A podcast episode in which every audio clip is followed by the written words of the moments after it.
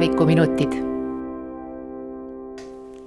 tere jälle juba kümnes kord Minevikuminuteid, mina olen Rutt Tänav ja katsun jätkata selle koha pealt, kus eelmine kord pooleli jäi.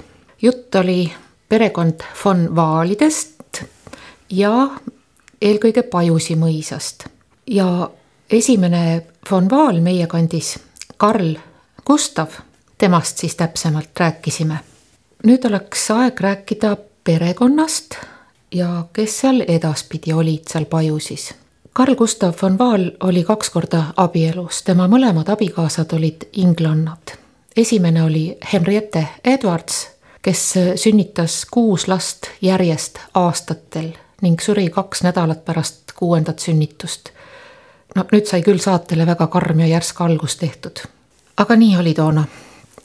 teine abikaasa oli Martha Veits ja tema sünnitas kaheksa last ning lõpuks jäi järele kahe peale kokku üheksa last, kes siis olid Karl Gustav von Vaali pärijad.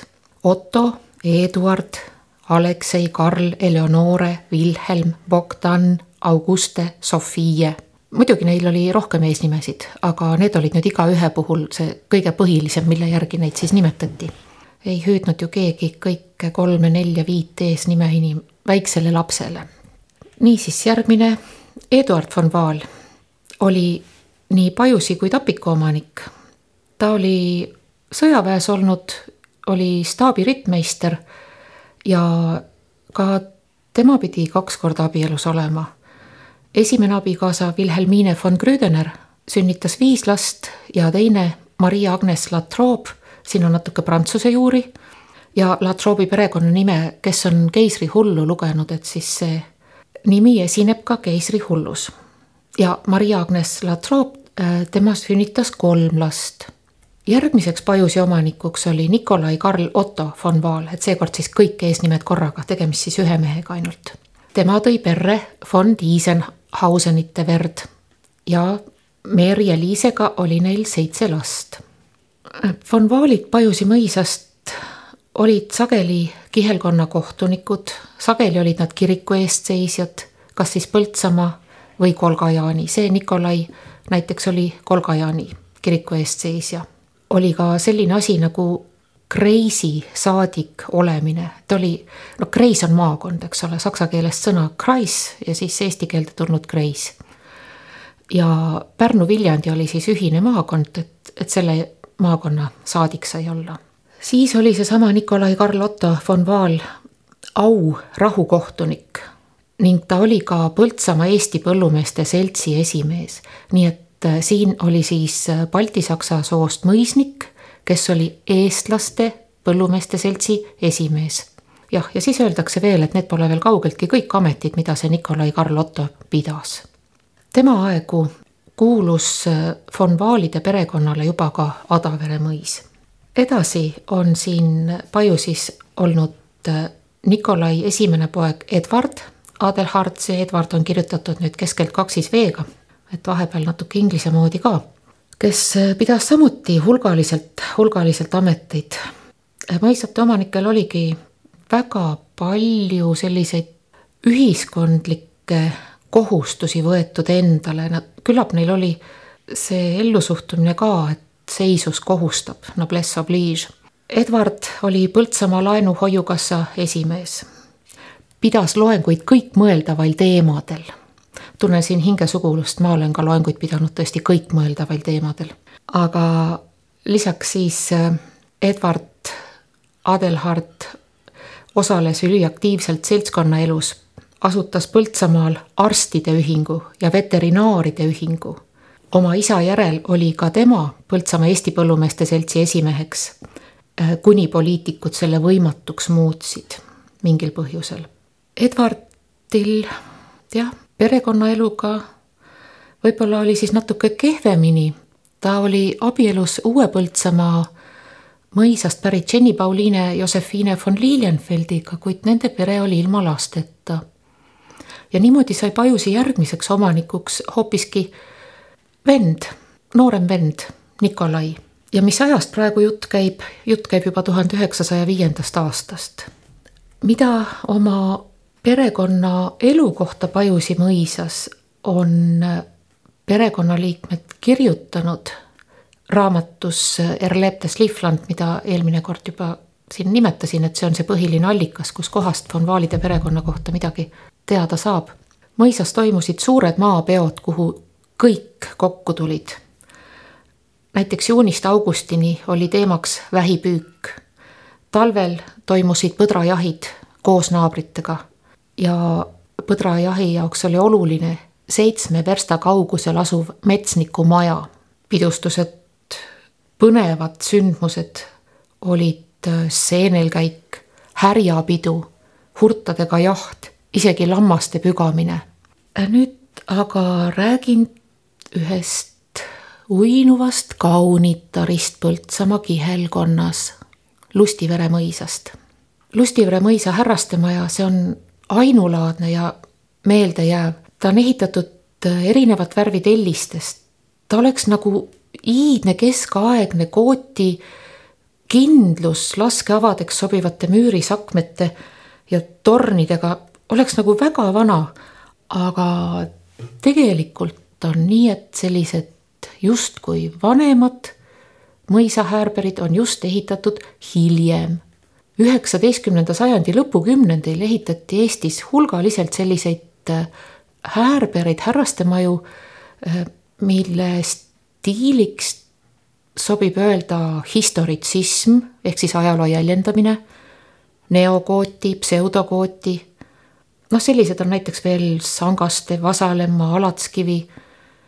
Mõne puhul me teame, millise, kas siis Inglismaa või Šotimaa lossi järgi neid on näiteks ehitatud Vikipeedias on nimetatud selle stiili esindajaks Eestis kaksteist mõisahoonet, millest aga kolm on Varemeis kindlused nad ei ole muidugi kunagi olnud. pigem vastupidi, nad on just olnud hästi külalislahked, moodsad pereelamud. niisiis Lustivere. Lustivere loss on ehitatud Tartu arhitekti Reinhold von Kuuleke projekti järgi aastatel tuhat kaheksasada seitsekümmend üks kuni tuhat kaheksasada kaheksakümmend üks.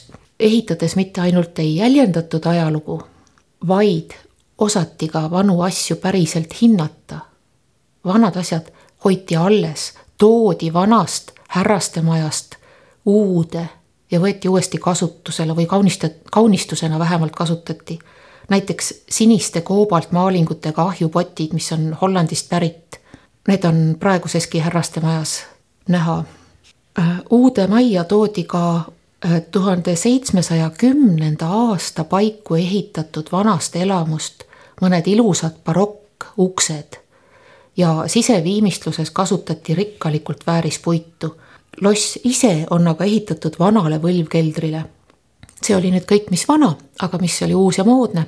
tuhande üheksasaja kümnendal aastal toodi hoonesse veevärk, kanalisatsioon, elekter, isegi telefon. Lustivere mõisahoone sees olid uhked keeruga trepid. söögitoas on alles mõisaaegne kapp, kui tuhande üheksasaja kahekümnendal aastal mõisnikud oma mõisatest lahkuma pidid, siis muidugi võtsid nad varandust kaasa, see oli ju nende oma kõik, mis seal oli. aga kõike ei saanud võtta ka ja niimoodi Lustiveres on päris palju ka varasemast alles, näiteks siis mõisaaegne kapp söögitoas, helepruun kaunistustega. aga väljastpoolt on siis väga huvitava hoonega tegemist. ta ei ole üldse sümmeetriline, me oleme võib-olla rohkem harjunud sümmeetriliste mõisahoonetega, kuid Lustivere seda päris ei ole, ühel pool on madal torn, aga teisel pool hoopis kõrgem. Aga on ka näha mingi, mingi vahekoht, et altpoolt on ühtemoodi, ülevalt poolt teistmoodi. ja selle kohta on räägitud nüüd äh, niimoodi, et Äh, mõisahärrale meeldinud vaadata, kuidas rahvas põllul töötab. aga ümber mõisahäärberi oli ju park istutatud, puud kasvasid kõrgemaks, aga põllud ei paistnud enam kätte ja nii ei otsustanud siis härra tornile korruseid juurde laduda. aga kes need inimesed siis olid, kes seal Lustiveres elasid? Muidugi jälle päris algus käis koos Põltsamaa linnusega. nii et äh, vrangelid, fikid, aga Katariina Esimese ajal, kui, kui tema siis leidis, et äh, Heinrich Klaus von Fick ei peagi olema kõikide maade omanik, vaid võttis need talt ära, siis Lustivere sai Sigismund Adam von Wolfile, et selline, selline nimi. ning ka tema äh, poeg, kindralmajor parun Karl Wolf oli omanikuks. mõisa aga panditi paar korda ja tuhande kaheksasaja kahekümnendal aastal ilmus siia selline pikk ja keeruline perekonnanimi Samson von Himmelstjerna. aga omaniku puhul oli tegemist siis prouaga, oli Marie Margareete Samson von Himmelstjerna. Samsonitele, noh, me oleme harjunud rohkem nii lühemalt ütlema, kuulus ka näiteks Kaavere ja Kurista. Kurista on meie kihelkonnas oluline selles mõttes, et Kurista vald algas Arukse külast ja läks kitsalt piki Jõgeva maanteed. nii et äh, osa sellest endisest Pajusi vallast, Aidu, Vägari, Kõpu, Kose, need olid kõik Kurista mõisa omad, nii et Kurista mõisnikult Samsonilt ostsid siis äh, talumehed äh, Aidus ja Vägaris ja seal oma talud kuldrublade eest. nii, aga siis äh, Maria Margareete. Temal oli ka tütar, kes jäi Lustivere omanikuks ja see tütar on nüüd äh, prantsusepärase eesnimega Angelique. Võib ka vist Angeelika öelda, aga üldiselt Angelique von, aga juba Vaal. tähendab, Angelique oli abiellunud von Vaaliks ja nüüd on ka Lustivere von Vaalide perekonna oma. ja kõik need inimesed, kellest seni juttu oli, need elasid siis vanas härraste majas, mida enam ei ole, aga kus olid siis need vanad barokkuksed, millest enne juttu oli. Angeliki abikaasa Karl Georg von Vaal oli õigusteaduste kandidaat. Ta oli varem juba korra abielus olnud ja tal oli üks kuulus, kuulus poeg Eduard Georg esimesest abielust siis Eduard Georg oli Tartu Ülikooli kirurgiaprofessor ja psühhiaatria kliiniku asutaja. ülikooli korraline kirurgiaprofessor, aga ta oli ka ühel olulisel ajal Tartu Ülikooli rektor. aastatel tuhat kaheksasada kaheksakümmend üks kuni tuhat kaheksasada kaheksakümmend viis. Mille poolest see aeg siis oluline, oluline on, põltsamaalased võiksid teada, mis juhtus tuhande kaheksasaja kaheksakümne neljandal aastal. õmmeldi esimene sinimustvalge lipp ja see oli ju Tartu üliõpilaste, Tartu Eesti üliõpilaste lipp. nii et seesama rektor von Vaal oli see, kellel oli EÜS-i asutamisega tegemist. nii, aga tagasi siis Lustivere perekonna juurde. arvatakse, et äh, Karl Georg von Vaal ehk siis ülikooli rektori Eduard Georgi isa, kes oli abiellunud Lustiverre Angelik von Vaal, Vaaliga tal oli mõisaid rohkemgi, Vatla, Karaski, no need on natuke kaugemal, eks ole, Kassinurme, Lustivere siis ja Vardi. aga tundub, et ta perekonnaelust vist enam väga ei hoolinud, on arvatud. on arvatud, et mälestus esimesest abikaasast ei kustunud. Ja niisiis Karl Georg reisis palju, pidas hoolega päevikut, osales näiteks väljakaevamiste rahastamises Egiptuses ta oli kunstimetseen ning oli ise ka andekas kunstnik ja kaugemateks reisikohtadeks jäid tal India ja Madeira. siiski oli Karl Georgil ja Angelikil üks ühine poeg, Reinhold Eugen, no saksa moodi peaks natuke teisiti hääldama, Reinhold Eugen, aga meil vist on lihtsam, kui ütleme eesti moodi. Tema oli Kaarli mõisas õppinud, siinsamas Põltsamaa lähedal. Kaarli mõisa oli alguses saksa poiste selline internaatkool, pansion. oli õppinud ka Tartus gümnaasiumis ja ülikoolis ja temast sai Viljandi korrakohtu adjunkt ning kohalik kiriku eestseisja. reisimine teda nii väga vist ei huvitanud, ta oli käinud Prantsusmaal ja Itaalias, aga, aga hoolis kodustest asjadest vast rohkem. Ja naise leidis ta oma suguseltsist, nii et mõrs ja Pajusist pärit Fanny Alvine von Vaal ei pidanud isegi perekonnanime vahetama. ja nendel oli seitse last kaheaastaste vahedega. ja aeg on meil jälle jõudnud kahekümnenda sajandi algusesse. on siin Leo Edward, kes on abiellunud Elizabeth Louise Charlotte von Engelhartiga ja nende lapsed ongi siis need, kes on kirjutanud oma mälestusi juba mitu korda nimetatud raamatus Erleptes Liefland ehk siis Heinrich Anatol, Niina Kiisela ehk Eena, nagu teda kutsuti, ja Dietrich Egon Klaus, keda nimetati Dieter. näiteks on Heinrich kirjutanud tuhande üheksasaja kahekümne kaheksandast aastast, kui mõis ei kuulunud enam nendele, aga ta tuli korraks oma kodu vaatama. nii et äh, Jõgevalt hakkas ta jala tulema, eks rongiga oli tuldud Jõgevale ja Aidus oli võtnud keegi külamees ta hobuvankrile ning viinud sulust vereni. nüüd siis tsitaat, mida Heinrich jutustab. ja muidugi ta jutustas saksa keeles ja need ma olen ise tõlkinud eesti keelde. piiriküngas Kanaveres siit paistab peaaegu kogu Lustivere mõisamaa. paremal Kanavere, Karuallika, tee Põltsamaale, ees allee, hobuste koppel ja rehi, vasakul kuivati, park mõnusate hekkidega, kõrgete puudega, mille taha peitub torn. jõeluhad, saeveski kõrvalhoonetega ja Rõngasmägi oma kõrgete nulgudega ja palju sarapuid kui kõikjal põldudel neid asunikumaju poleks ja kümne viimase aasta muutused maha saaks kustutada. Lähen edasi mööda vanast kiviküünist, üle sillakese, mille piirdemüür iga aastaga aina madalamaks jääb. poisikesena sain siin istuda, nii et jalad ulatusid vaevu sillale. praegu on see sillaga peaaegu ühetasa. vana jääkelder pole muutunud, istun vanal kivipingil Rootsi-aegsel. uus jääkelder on kahjuks lõhutud. Lähen majja imestan, et aknad ja raamid on terved ning puhtad. Noor majavalitseja tuleb eestoas vastu. riik on kakssada tuhat marka kulutanud hoone korrastamiseks. suvel oli siin lastekodu saja viiekümne lapsega. maja on tõesti hästi renoveeritud ja jätab väga hea mulje. söögitoa põrandast otsin ja leiangi bolševike kuulide jälgi. söögituba pole muutunud, parkett ja tume tammetahveldis päris korras, seinavärv on ikka sama.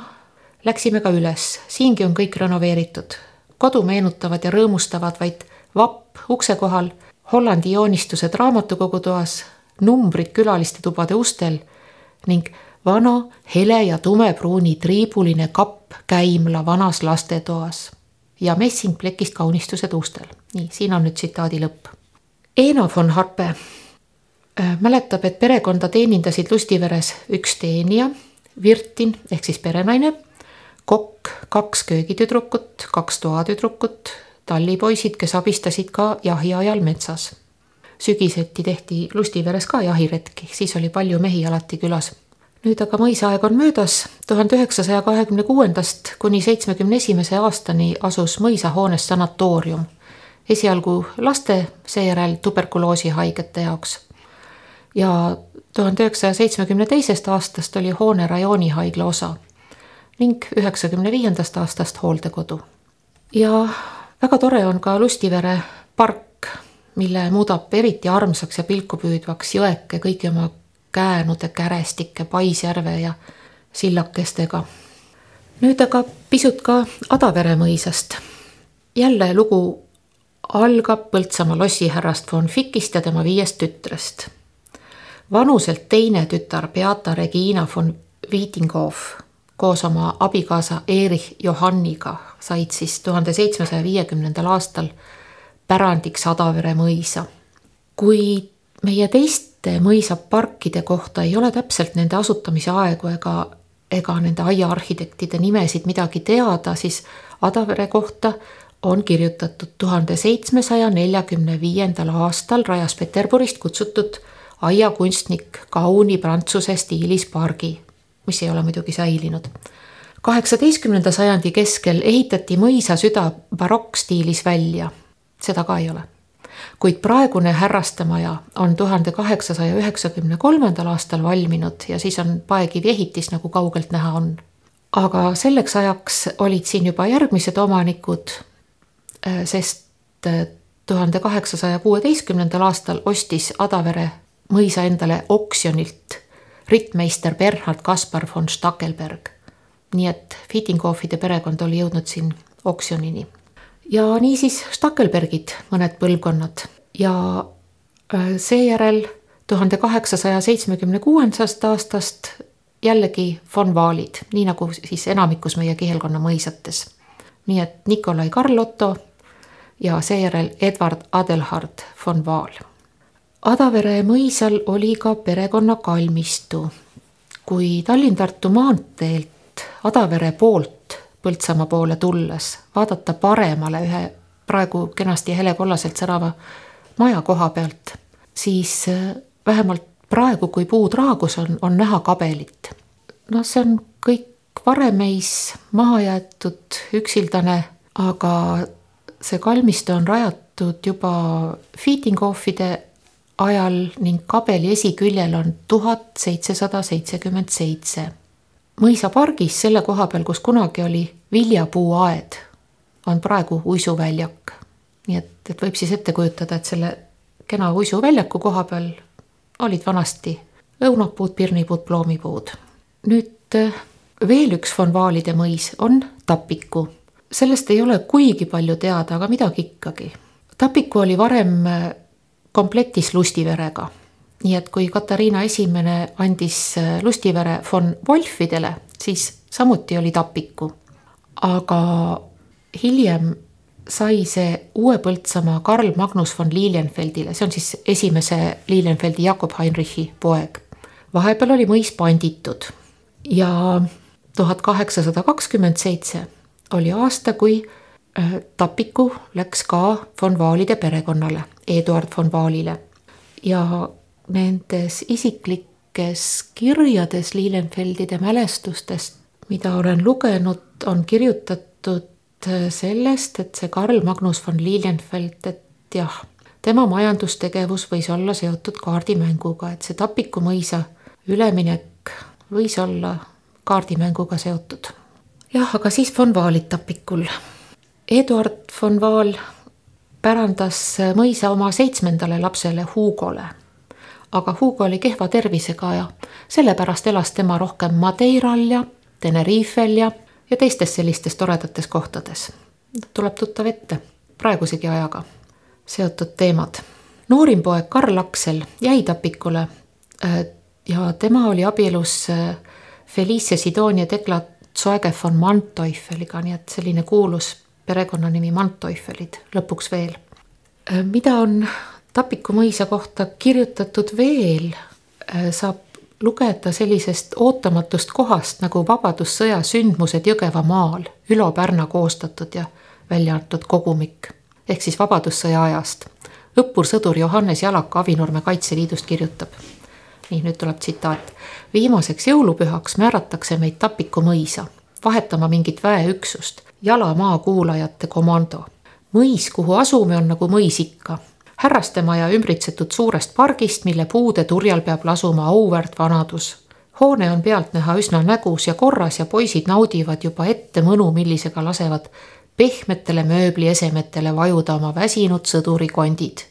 ka hobused saavad endile jälle üle hulga aja sõduriratsule väärse peavarju tsitaadi lõpp.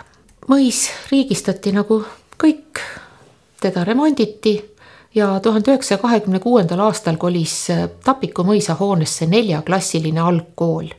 mõisapargist sai koolipark. Tapiku koolis õppis tuhande üheksasaja kahekümnendatel kuni kolmekümnendatel aastatel tavaliselt nii umbes seitsekümmend, kaheksakümmend õpilast. ja kirjutatakse nii.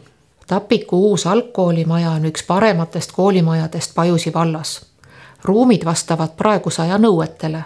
Kohalikud elanikud sõidavad koolipargist läbi, mis küll ilus nähtus ei ole. loodame, et koolivalitsus selle kõrvaldamiseks samme astub. ja see oli kirjutatud Põltsamaa Teatajas kolmandal märtsil tuhat üheksasada kakskümmend kaheksa.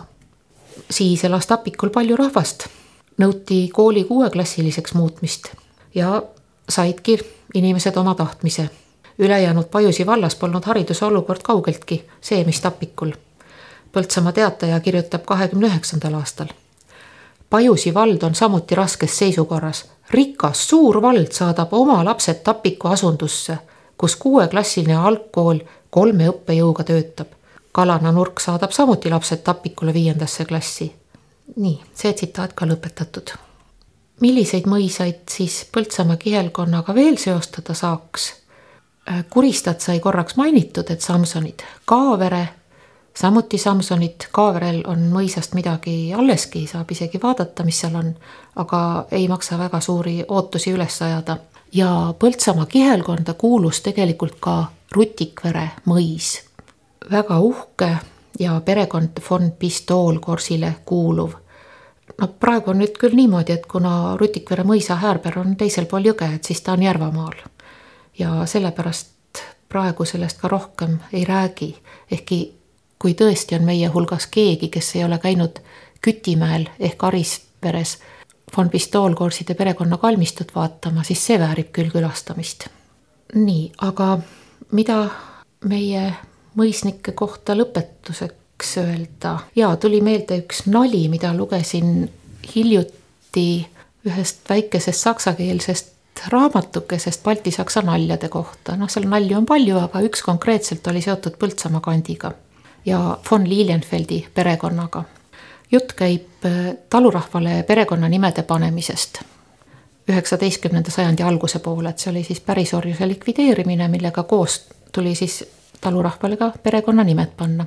on siis äh, talumeest müts peos mõisaomaniku härra von Lilienfeldi ees ja palub alandlikult.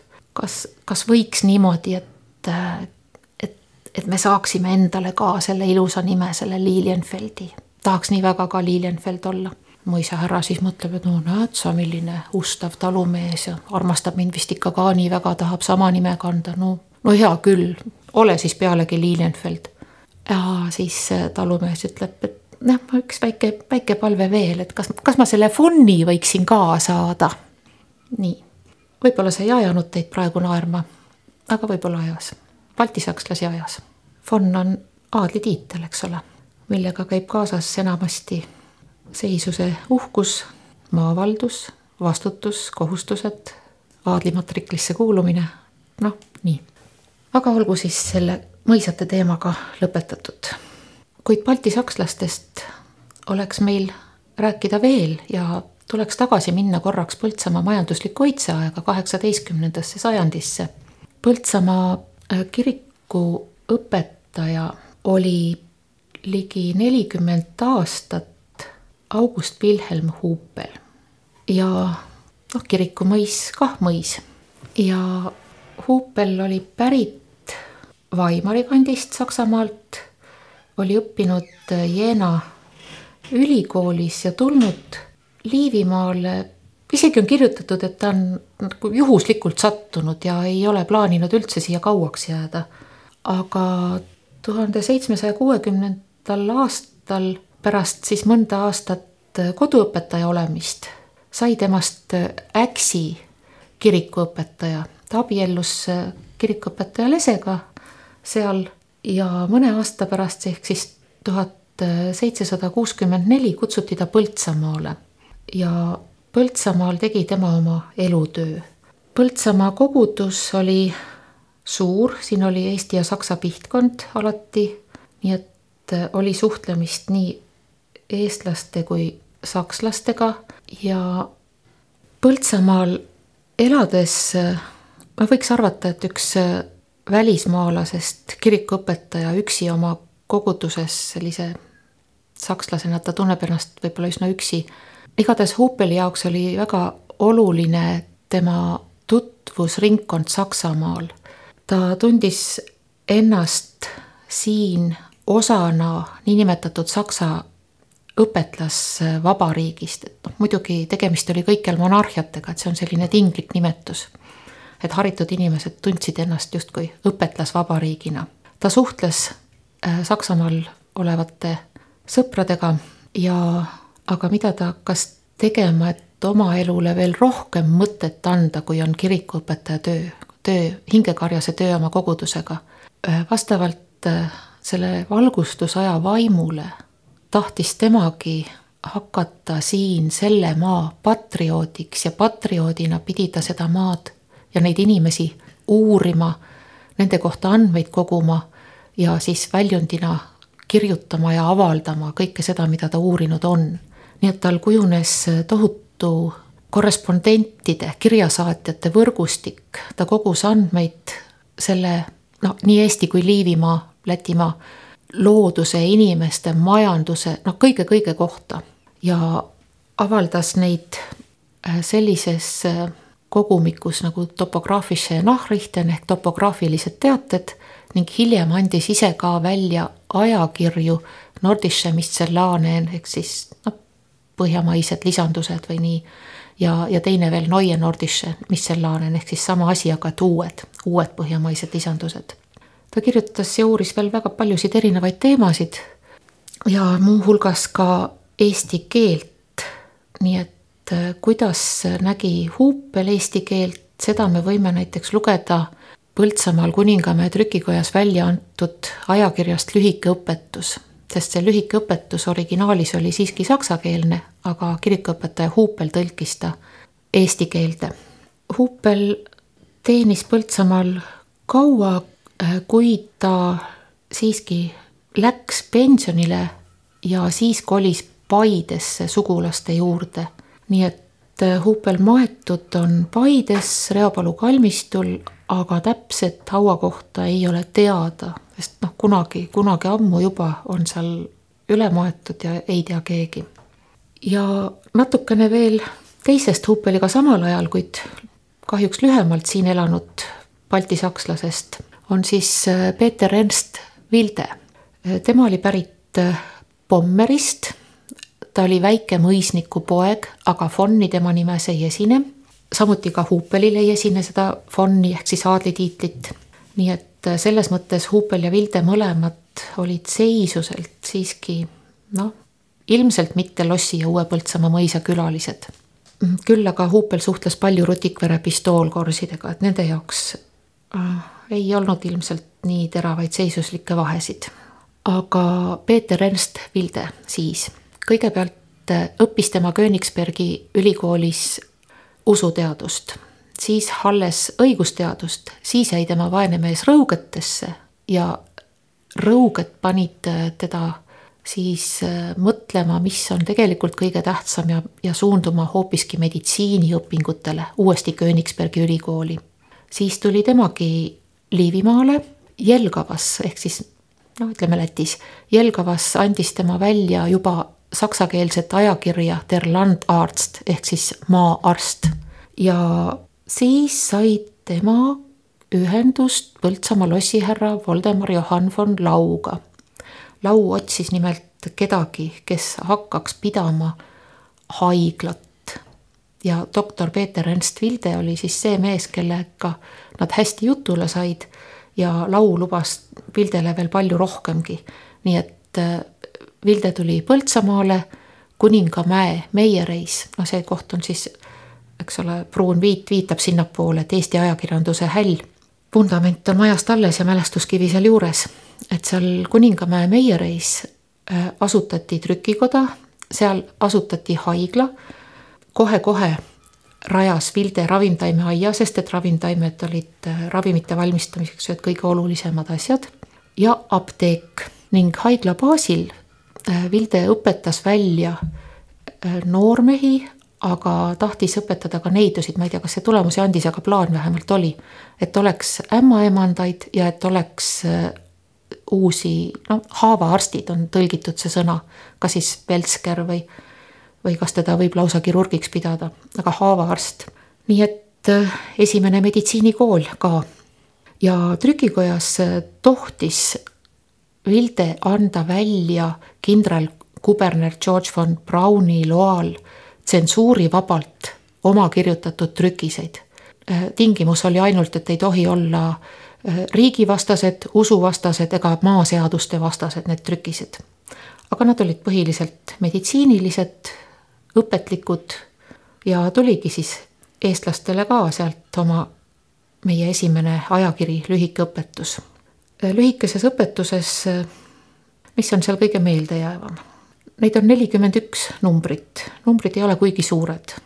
Nad on kõik antud välja faksiimile väljaandena, kõik võivad täiesti ise lugeda, leiab raamatukogust. aga jällegi ma olen ta kõik läbi töötanud ja, ja võin siis lühikese kokkuvõtte teha mida Vilde taunib, mida eestlased teevad, aga mida ei, mida võib-olla ei peaks tegema. no kõigepealt on tõdemus see, et eestlaste jaoks kõige esimene, kõige tähtsam ravim on pipraviin. teiseks on juudasitt. vabandust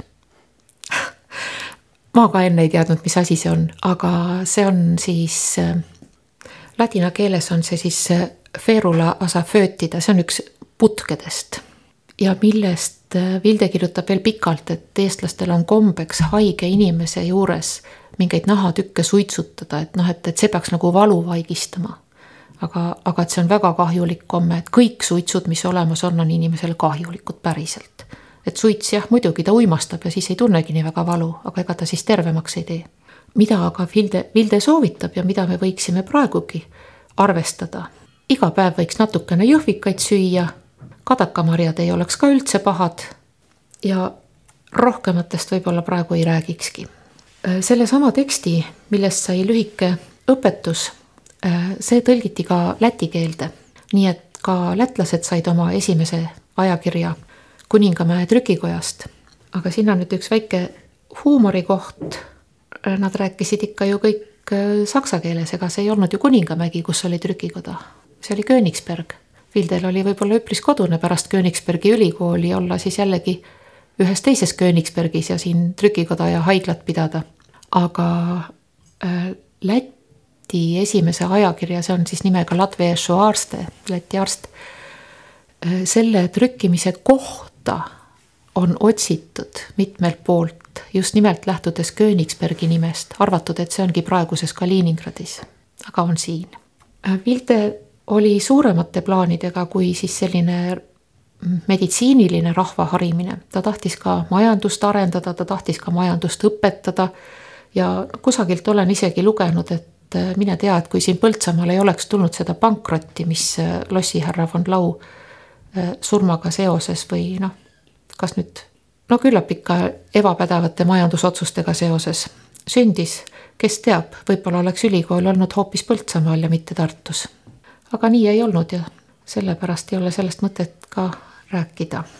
Peeter Ernst Vilde asutas äh, isegi majandusseltsi, et siin nüüd ei olnud tegemist eestlastega, see oli sakslaste majandusselts, nii et äh, saksa keeles pigem selline kohmakas tõlge ökonoomiline sotsioteet või niimoodi. aga ei sellest saanud asja midagi. Vilde perekonnaelust on ka üht-teist teada. Ta abiellus Tartu sadama kapteni Lesega ning tal oli kolm last, kellest kaks kahjuks surid. nii et võid olla arst küll, aga ei ole kaitstud perekond surma eest varases easki mitte. aga üks poeg jäi järele, Karl August, aga tema, temast sai äh, Pilistvere kirikuõpetaja paljudeks aastateks. nii et Karl August Vilde. Peeter Ernst Vilde ka ise ei olnud üsna varase surma eest mitte kaitstud. ta suri viiekümne kolmesena, nii et see tema poeg, see Karl August oli alles kaheteistaastane. nii, äh, siinkohal võib ehk selle seni kümnest saatest koosnenud tsükli otsad kokku tõmmata. tänan teid kuulamast. soovin teile kõigile rõõmsat ja tervemat ja toredamat ja sõbralikumat uut, mis siis nüüd on juba kahe tuhande kahekümne teist aastat.